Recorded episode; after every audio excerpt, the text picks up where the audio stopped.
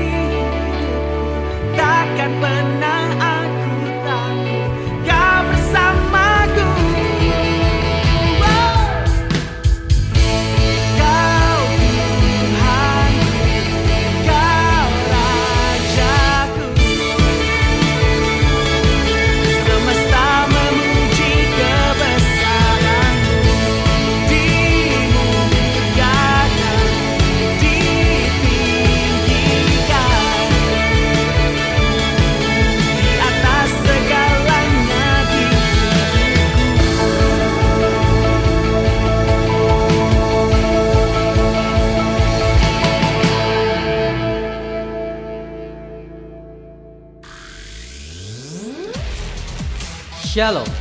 Anda akan mendengarkan program Puasa dalam Firman-Nya yang disampaikan oleh Pastor Dorcas Daud dari Hope ACC dan Dorcas Ministries.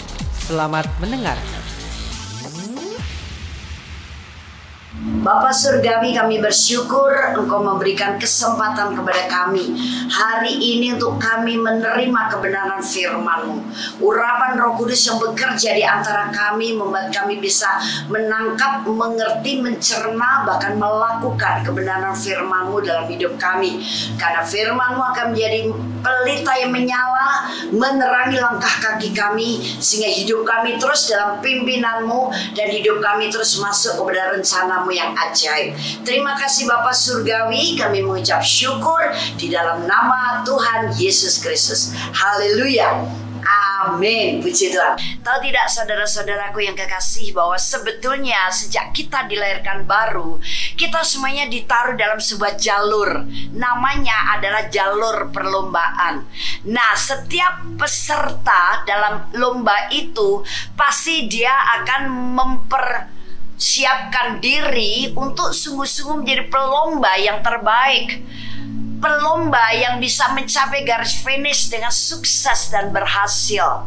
Dan mereka akan mempersiapkan diri, melatih diri begitu rupa supaya dia menjadi seorang pelomba yang kuat menjadi pelomba yang juga akan mengikuti aturan-aturan main yang ada sehingga dia tidak akan didiskualifikasi oleh wasit karena melakukan pelanggaran.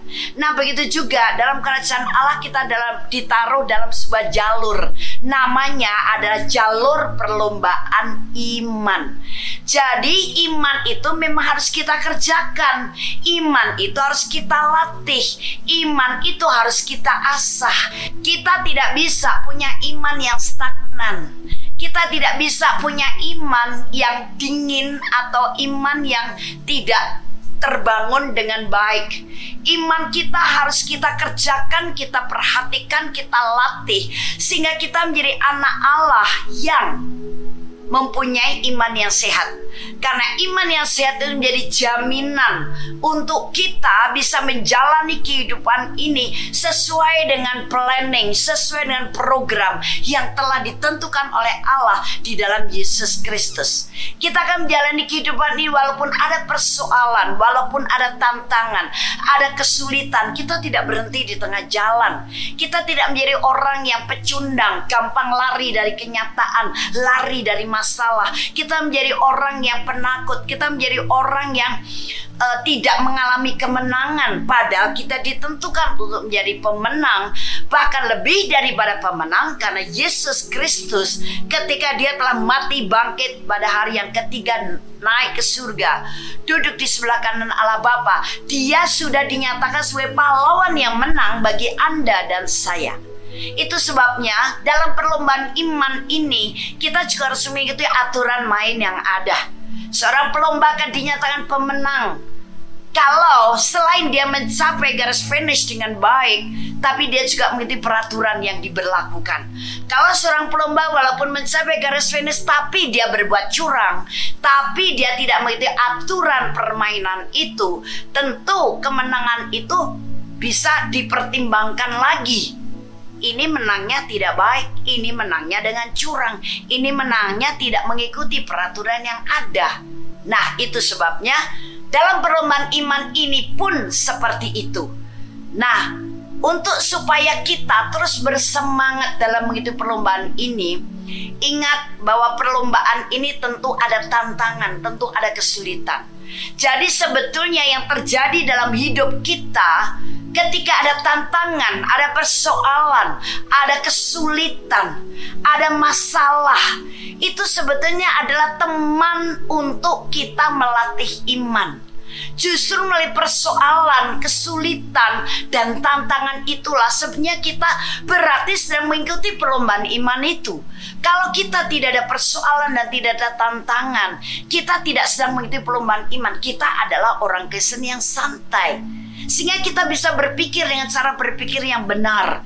Tantangan dan kesulitan itu bukan untuk mencelakakan kita, bukan uh, rencana Allah untuk uh, me- membinasakan kita, tapi Dia memberikan pekerjaan rumah, menjadi sparing partner di dalam kita untuk mengikuti perlombaan iman ini.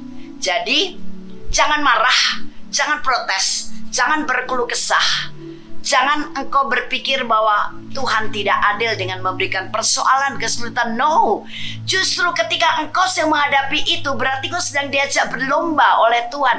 Hayo kamu aku ingatkan melalui persoalan ini dan ini menjadi uh, teman berlatih imanmu karena engkau sedang mengikuti perlombaan iman. Jadi Tuhan memang mengizinkan hal itu terjadi tapi percayalah kita tak perlu gentar, kita tak perlu alergi dalam menghadapi uh, persoalan dan tantangan karena Tuhan selalu bersama dengan kita. Nah, ayatnya yang akan saya bacakan adalah di dalam Ibrani pasal 12 ayat yang pertama sampai dengan ayat yang ketiga. Demikian firman Tuhan. Karena kita mempunyai banyak saksi, bagaikan awan yang mengelilingi kita. Marilah kita menanggalkan semua beban dan dosa yang begitu merintangi kita dan berlomba dengan tekun dalam perlombaan yang diwajibkan bagi kita. Marilah kita melakukannya dengan mata yang tertuju kepada Yesus yang memimpin kita dalam iman dan yang membawa iman kita itu kepada kesempurnaan. Yang dengan mengabaikan kehinaan, tekun memikul salib, ganti sukacita yang disiakan bagi dia yang sekarang duduk di sebelah kanan tahta Allah. Ayat yang ketiga. Ingatlah selalu akan dia yang tekun menanggung bantahan yang sehebat itu terhadap dirinya dari pihak orang-orang berdosa, supaya jangan kamu menjadi lemah dan putus asa. Nah, jadi ini perlombaan iman diwajibkan bagi kita dan kita dalam mengikuti perlombaan ini harus mengikuti aturan main yang ada. Sekarang aturan main itu apa saja? Kita lihat dari ayat yang ke satu. Berlomba dengan tekun dalam perlombaan yang diwajibkan bagi kita. Artinya perlombaan ini memang wajib. Semua anak Allah harus mengikuti perlombaan ini. No reason. Tidak ada alasan. Syarat yang pertama, tekun. Kita jangan gampang bosan. Kita jangan gampang putus asa. Kita jangan mudah patah semangat. Karena apa? Orang yang mudah patah semangat, orang yang gampang bosan, orang yang gampang putus asa, itu jiwanya rapuh, tidak punya daya juang. Apalagi perjuangan kita bukan oleh kuat dan gagah kita, tapi oleh rola. Artinya, perjuangan kita dalam mengikuti perlombaan iman itu didukung, disupport, dimampukan, dikuatkan oleh roh Allah, oleh roh kudus. Luar biasa bukan? Jadi itu sebabnya nomor satu di bab yang pertama ini adalah tekun. Apa pun tantangan nanti yang akan kita hadapi dalam mengikuti perlombaan iman, asal kita tetap berpatokan dan menjalankan peraturan main yang diberlakukan, kita akan tetap menjadi tekun. Kita tidak mudah putus asa, kita tidak mudah bosan, kita tidak mudah patah semangat, kita tidak mudah lari daripada persoalan. Nah, jadi perlombaan iman ini syarat yang pertama adalah tekun. Bagaimana ketekunan itu akan menghasilkan tahan uji dalam diri kita. Ulet, roh yang kuat, jiwa yang tangguh, semangat yang tidak mudah pudar, dan juga gairah yang terus menyala-nyala. Dan ketika kita tekun, kita akan menjadi tahan uji dan tahan uji itu akan mendatangkan pengharapan dalam diri kita yang tidak pernah pudar. Ini yang paling penting pengharapan dalam Yesus yang tak pernah pudar supaya kita tetap mengikuti perlombaan iman dengan semangat dan kita tahu tujuan Allah pasti memberikan kemenangan kepada kita. Yang pertama tekun, Yang kedua adalah ayat yang kedua. Marilah kita melakukannya dengan mata yang tertuju kepada Yesus yang memimpin kita dalam iman dan yang membawa iman kita itu kepada kesempurnaan yang dengan mengabaikan kehinaan tekun memikul salib ganti sukacita yang disediakan bagi dia yang sekarang duduk di sebelah kanan tahta Allah. Yang kedua adalah mata yang tertuju kepada Yesus. Karena Yesus adalah sang pemimpin iman kita. Dia adalah komandan iman kita. Mata jangan tertuju ke mana-mana. Karena kalau mata tertuju ke mana-mana, maka iman kita itu akan terprovokasi, terpengaruh atau terpengaruh oleh apa yang kita perhatikan, oleh apa yang kita lihat. Nah, kalau mata kita kita tujukan kepada Yesus, pasti kemudian iman kita akan tumbuh dengan baik. Iman kita akan tumbuh dengan sehat. Mata jangan melirik ke sana kemari. Seorang pelomba ketika dia matanya melihat kepada situasi lapangan lomba yang mungkin ada beberapa tantangan. Misalkan ada batu kerikil, misalkan ada selokan, misalkan tanah tidak terlalu rata ataupun para penonton yang sedang bersorak-sorai, bersorak-sorai untuk mengagumi kita atau bersorak-sorai untuk mengolok-olok kita. Tentu ada para penonton yang seperti itu. Atau desiran angin yang terjadi di sekitar kita. Nah, seorang pelomba, katakan sekarang pelomba lari. Kalau dia memperhatikan hal-hal seperti itu, tentu dia akan gagal di tengah jalan sebagai seorang pelomba. Gagalnya karena dia kemudian melanggar peraturan atau dia tidak tahan ketika melihat situasi lingkungan yang ada. Sama sebagai anak Allah, kita seorang pelomba iman. Pelomba iman yang baik. Jangan melihat kepada orang lain. Kalau kita melihat kepada orang lain, katakan ini semua orang Kristen adalah semua berada di jalur perlombaan yang sama dengan kita dan semua menjadi pelomba-pelomba iman itu. Tapi kita sibuk melihat mereka. Kalau melihat mereka kemudian cepat maju, akhirnya apa? Karena kita sibuk melihat mereka, kita menjadi iri. Kita mungkin menjadi kalau tidak iri kecil hati. Kita menjadi kehilangan semangat karena wow, dia kok cepat sekali ada di depan. Dia larinya begitu baik. Wow, dia larinya begitu cepat. Atau kita iri, eh mentang-mentang dasar dia sombong, sok mau menunjukin kekuatan dia. Memang hanya dia yang bisa dipakai Tuhan. Nah, hal ini karena mata kita tertuju kepada mereka. Kita memang berada dalam perlombaan, tapi bukan perlombaan ini bukan persaingan yang tidak sehat.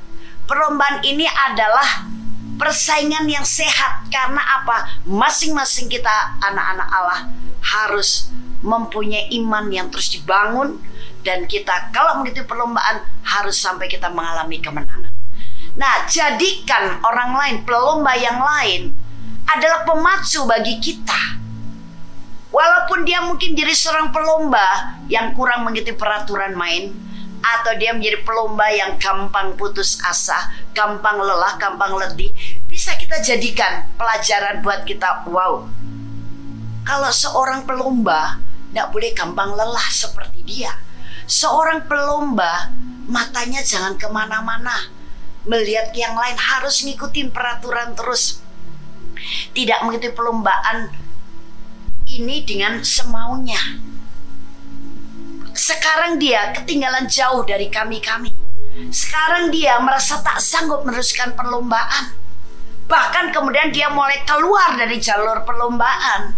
Dan mereka melakukan hal yang lain-lain yang tidak ada urusannya dengan perlombaan ini. Kalau begitu, saya tidak akan mencontoh hal seperti itu.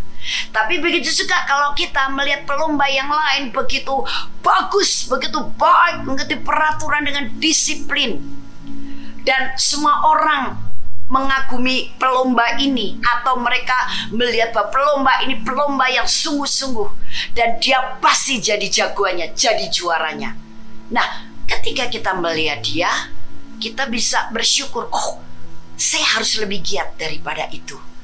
Oh, saya tahu dia seperti itu karena dia berpegang kepada sang komandan, mengikuti perintah aturan dan begitu bersandar kepada sang komandan yaitu siapa komandannya? Yesus Kristus. Kalau begitu dalam mengikuti perlombaan iman ini menjalani kehidupan ini saya tetap berpegang berpaut kepada Tuhan. Saya tetap akan percayai Tuhan saya akan terus melekatkan hati saya kepada dia. Saya akan terus mengerti peraturan main yang diberlakukan buat saya. Oke, saya mau berlomba lebih baik lagi. Aduh, terima kasih friend, terima kasih teman. Kamu sudah memacu semangat saya. Nah, itu berarti mata masih tertuju kepada Yesus. Tapi kalau kita matanya tertuju kepada yang lain dengan tujuan yang berbeda, tentu kita juga akhirnya akan entah tersandung melihat kesalahan orang lain, entah kemudian hilang semangat ngelihat semangat orang lain hilang, entah kita kemudian jadi patah eh, putus asa, kecil hati karena ngelihat orang lain begitu bagus dan menjadi pelomba yang bersemangat. Tapi kalau kita kemudian kaitkan dan kita arahkan lagi mata batin kita, mata roh kita kepada Yesus, tentu hasilnya berbeda. Nah, begitu juga kalau mata harus tertuju kepada Yesus, jangan hiraukan ketika ada jalan yang kurang rata atau ketika ada kerikil atau ketika ada suara-suara sumbang di sekitar kita. Abaikan itu. Tapi mata tetap mengawasi jalan perlombaan itu walaupun ada kerikil tapi bukan membuat kerikil yang ada di jalur perlombaan jalan perlombaan itu akan membuat kita tersandung dan kita kemudian marah kepada kerikil itu. Kita kemudian marah kepada si pembuat jalan. Kenapa sih bikin jalan perlombaan ada kerikil begini tidak ketahuan? Aduh kenapa sih ini angin begitu ribut? Aduh kenapa ini orang-orang ngomongnya sumbang-sumbang, ngomongnya yang jelek-jelek? Itu bukan sesuatu yang membangun kita. Lebih baik abaikan sambil terus memandang kepada Yesus ketika orang berkata sumbang. Padahal kita tidak sesumbang itu kelakuannya atau kehidupan kita. Tapi mereka ber, eh, berkata-kata yang sumbang tentang kita.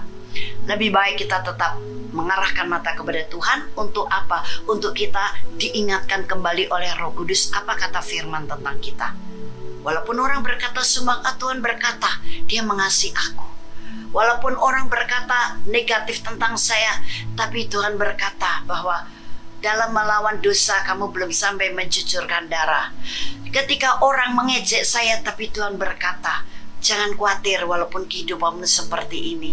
Ketika orang merendahkan saya, tapi Tuhan berkata, engkau adalah berharga di mataku. Nah, itu akan memacu semangat dan menyalakan roh kita untuk terus tetap kita melakukan perlombaan sampai mencapai garis finish. Begitu juga desiran angin, begitu juga hal-hal yang lain.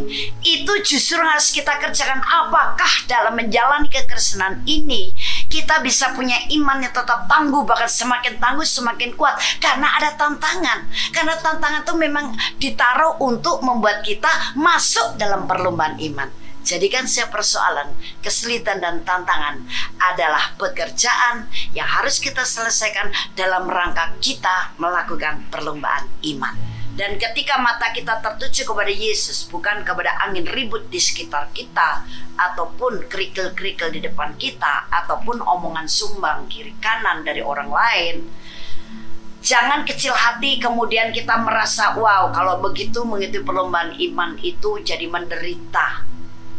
Kalau kita dikatain orang begini gimana, begitu gimana? No.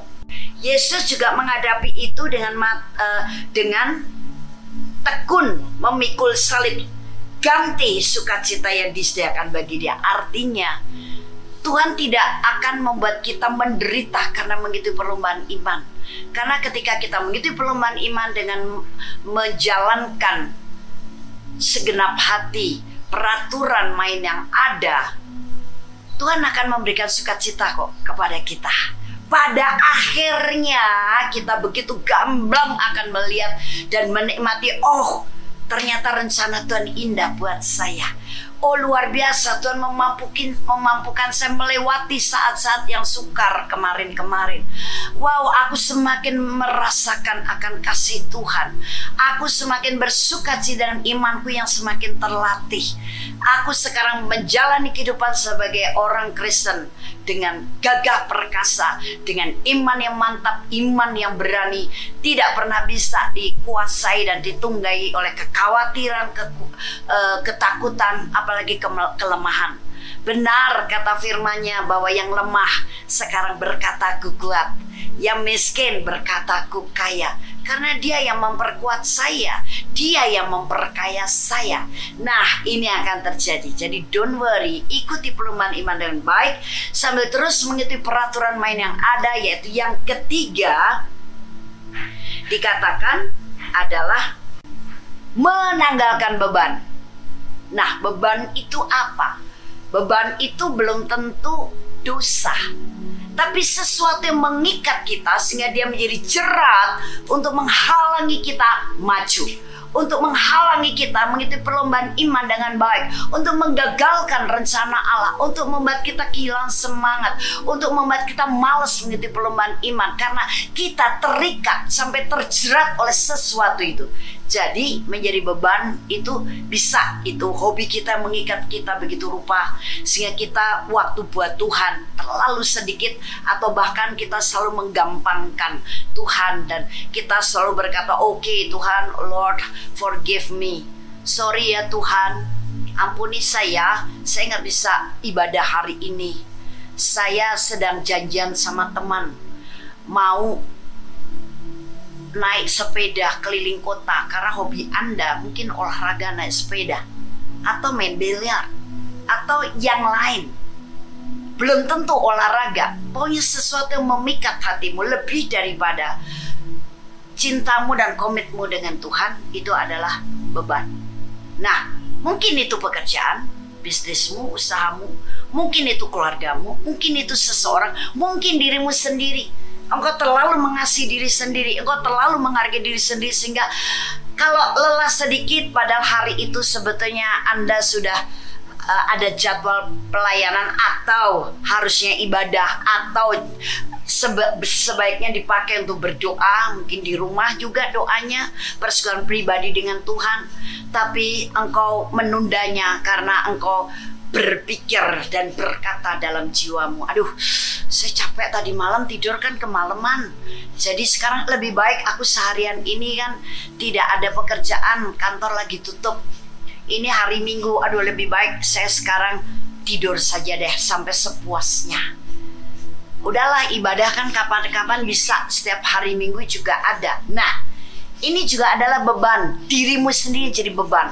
Sehingga selalu memaafkan dirimu sendiri. Padahal ketika kita percaya Yesus memang kita terima janji keselamatan. Tapi keselamatan itu harus kita kerjakan. Bagaimana mengerjakannya di antaranya hal seperti ini Aku harus melatih dirimu. Jangan memanjakan dirimu. Jangan terus excuse me lo terus. Minta maaf terus kepada Tuhan. Karena demi engkau memanjakan dirimu. Engkau mengikuti keinginan daging. Engkau mengikuti keinginan jiwa. Pada rohmu berkata, ayo keman pray. Pray, pray, worship. Ayo ibadah. Ayo bersaksi. Tapi engkau mengikuti keinginan jiwa dan keinginan daging. Nah, itu adalah beban. Tapi juga beban itu adalah perasaan-perasaan dalam jiwa marah, jengkel, kesel, kecewa, khawatir, takut, bimbang, ragu-ragu. Itu semuanya menjadi penghalang saudara-saudaraku. Itu juga beban. Memang orang berpikir, ya bagaimana eh, khawatir itu bisa dikatakan dosa. Saya menghadapi masalah yang cukup berat. Bagaimana ketakutan dibilang dosa? Saya benar-benar takut, Ibu, Pak. Saya betul-betul takut. Bagaimana bimbang itu dibilang dosa? Kan enggak. Karena memang betul saya bingung saat ini menghadapi situasi begini. Menghadapi masalah. Aku bingung. Coba gimana solusinya? Wow, berbagai macam alasan. Nah itu sebabnya khawatir, cemas, Jengkel pun juga begitu karena orang jengkel jadi malas melakukan apa-apa. sakit hati juga begitu. Jadi sakit hati semua sepertinya menjadi uh, uh, uh, tumpahan amarah sakit hatimu. Anda menjadi sakit hati kepada segala hal termasuk kepada Tuhan, kepada waktu-waktu jam-jam dengan Tuhan.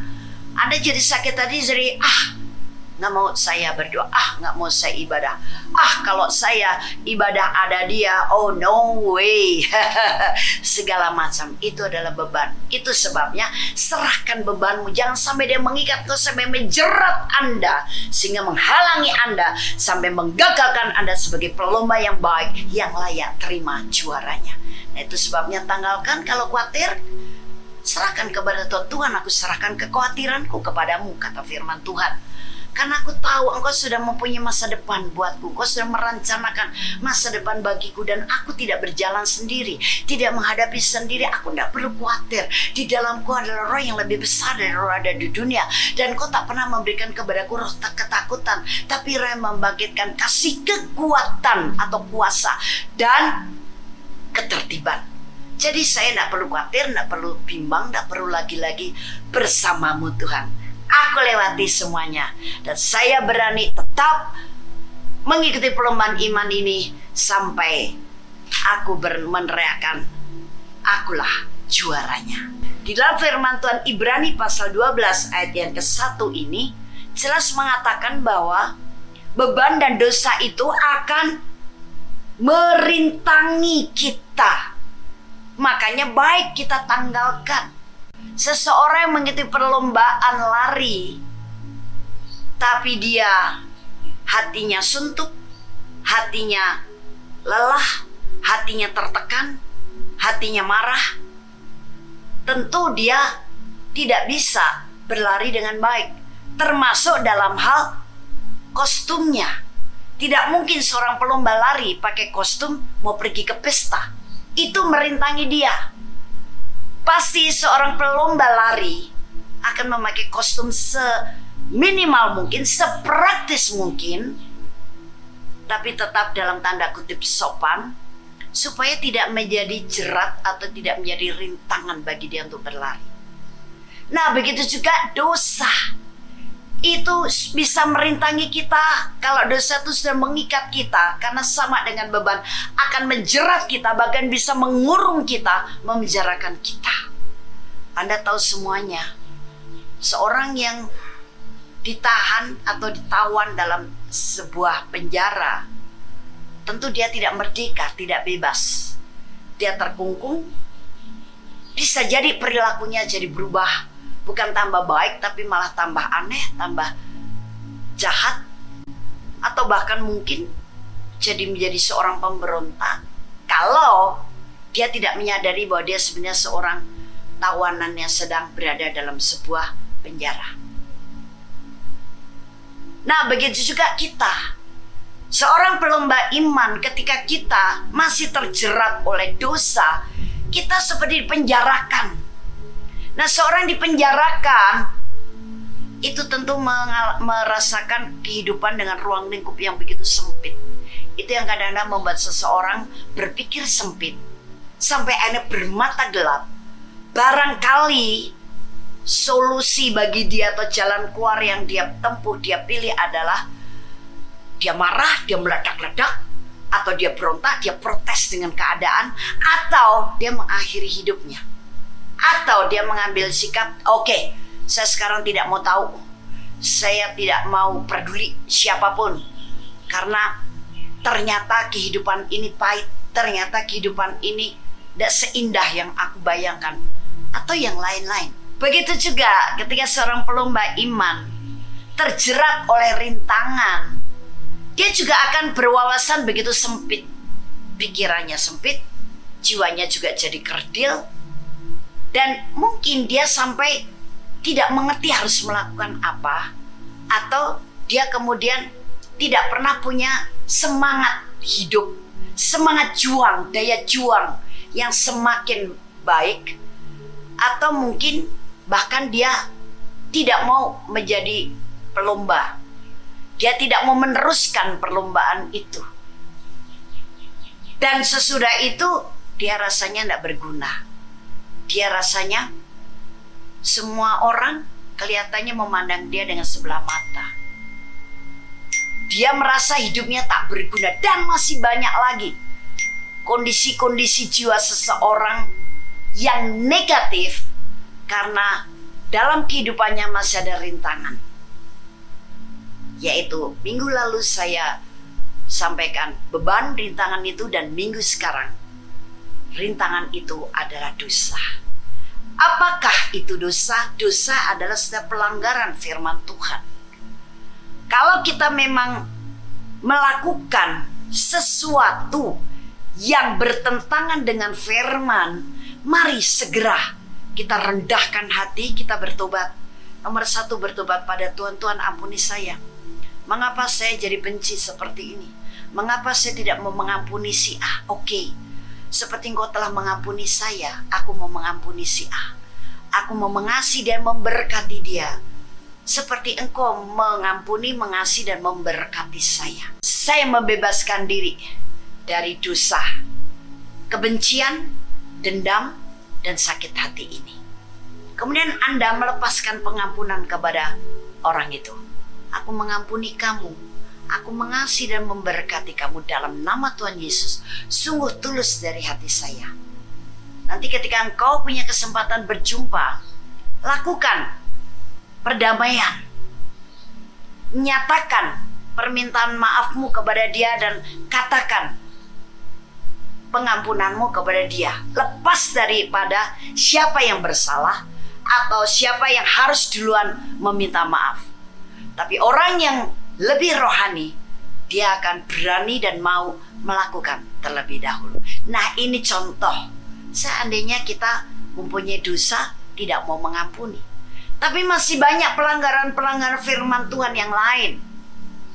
Nah, itu sebabnya ketika kita melakukan dosa, segeralah akhiri dosa itu, bereskan dengan Tuhan. Kalau ada kaitan dengan orang lain, bereskan juga dengan orang lain sesudah dengan Tuhan.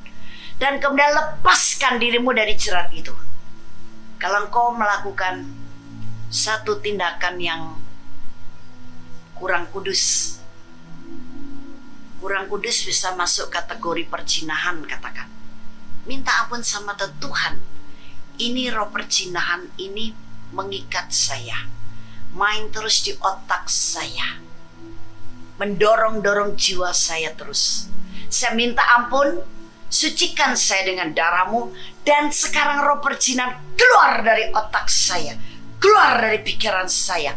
Keluar dari jiwa saya. Di dalam saya ada roh kudus yang akan memimpin saya dari satu kebenaran kepada kebenaran, yang akan mengingatkan saya hidup dalam kekudusan, yang akan mengingatkan saya bahwa saya sekarang hidup adalah milik Yesus Kristus. Di dalam ada firman Tuhan yang akan terus menerangi kehidupan saya dan menjadi pedoman hidup saya, bukan roh percinan yang menjadi pedoman bagi hidup saya. Sekarang lepas keluar dan darah Tuhan Yesus yang berkuasa menguduskan saya, menyucikan saya lagi. Saya sekarang hidup untuk Kristus. Saya mau hidup di dalam kebenaran, tidak lagi dalam kecemaran. Ingat bahwa firman Tuhan Roma Pesana mengatakan, serahkanlah anggota-anggota tubuhmu untuk menjadi senjata kebenaran, bukan senjata kelaliman. Nah, ini hal-hal yang menjadi contoh saja bagaimana dosa harus kita bereskan di dalam Tuhan. Anda juga bisa tambahkan dalam pikiran saya sekarang ada pikiran Kristus. Dan sekarang mulai banyak membaca firman untuk direnungkan, diresapi supaya pikiran Anda betul-betul terbebas daripada jerat roh percinahan tadi. Begitu juga dengan dosa-dosa yang lain. Jadi di bulan Juni ini kalau saya simpulkan yang pertama, kalau saya mau susun lebih tertib lagi adalah yang pertama, tanggalkan beban kita. Beban itu belum tentu dosa, tapi sesuatu yang memikat hati kita lebih daripada Tuhan. Dan yang kedua adalah tinggalkan dosa. Karena beban dan dosa akan merintangi kita sebagai perlomba iman dengan baik sampai mencapai garis finish. Yang ketiga adalah tekun. Karena ketekunan akan menghasilkan tahan uji dan tahan uji akan menghasilkan pengharapan. Ini hal yang ketiga. Hal yang keempat adalah mata yang tertuju kepada Tuhan. Karena Tuhan Yesus adalah sang pemimpin kita. Sekali lagi, jangan pernah engkau merasa sengsara dan menderita ketika mengikuti perlombaan iman karena aturan-aturan ini percayalah seperti apa yang dialami oleh Yesus. Ketika dia mengikuti perlombaan iman ketaatan dengan si iblis di hadapan Allah Bapa maka sukacita dan peninggian yang Allah Bapa berikan kepada Yesus begitu juga yang akan Tuhan berikan kepada kita peninggian dan sukacita ganti semua hal yang sudah kita alami asal imanmu tumbuh dengan sehat satu ayat firman Tuhan yang menjadi pegangan kita dalam hidup perlombaan iman luar biasa. Dalam Sefanya pasal 3 ayat yang ke-17 demikian bunyinya. Tuhan Alamu ada di antaramu sebagai pahlawan yang memberi kemenangan. Ia bergirang karena engkau dengan sukacita. Ia membauri engkau dalam kasihnya. Ia bersorak-sorak karena engkau dengan sorak sore seperti pada hari pertemuan raya. Luar biasa. Tuhan Allah kita ada di dalam kita, ada di antara kita. Hal ini sudah dikatakan oleh Allah Bapa di perjanjian lama. Bahwa Tuhan Allah kita ada di antara kita, di tengah-tengah kita. Dan sekarang kita yang sudah lahir baru dalam perjanjian baru. Bahkan ada dalam diri kita. Dia yang telah menjadi pahlawan yang menang. Sehingga ketika dia sudah menjadi pahlawan yang menang itu sebabnya firman Tuhan dalam kitab Roma mengatakan dikatakan kita lebih daripada pemenang karena apa? Kita yang diberi hak untuk menikmati kemenangan itu tetapi kita akan menikmati kemenangan yang sudah diraih oleh Yesus Kristus ketika kita tetap mengikuti perlombaan iman dengan mengikuti peraturan-peraturan yang ada sampai kita mencapai garis finish. Sampai kapan kita harus menjalani perlombaan iman atau mengikuti perlombaan iman? Sampai akhir zaman. Sampai kita tidak ada lagi di dunia ini. Tapi Tuhan menyertai kita dan dia juga bersorak-sorai melihat kita menjalani kehidupan anak Allah dengan sorak-sorai walaupun mengikuti perlombaan iman jangan dengan berkeluh kesah karena dalam sorak-sorai ada kekuatan daripada Roh Kudus untuk kita terus tetap mengikuti perlombaan iman dengan semangat yang tidak pernah. Haleluya. Kami percaya Anda pasti diberkati oleh firman Tuhan yang disampaikan oleh Pastor Dorcas Daud STH dari Hope ACC dan Dorcas Ministries.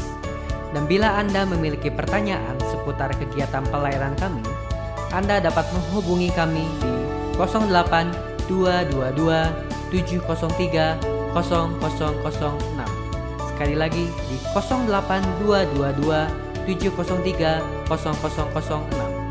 Sampai jumpa kembali. Tuhan Yesus memberkati.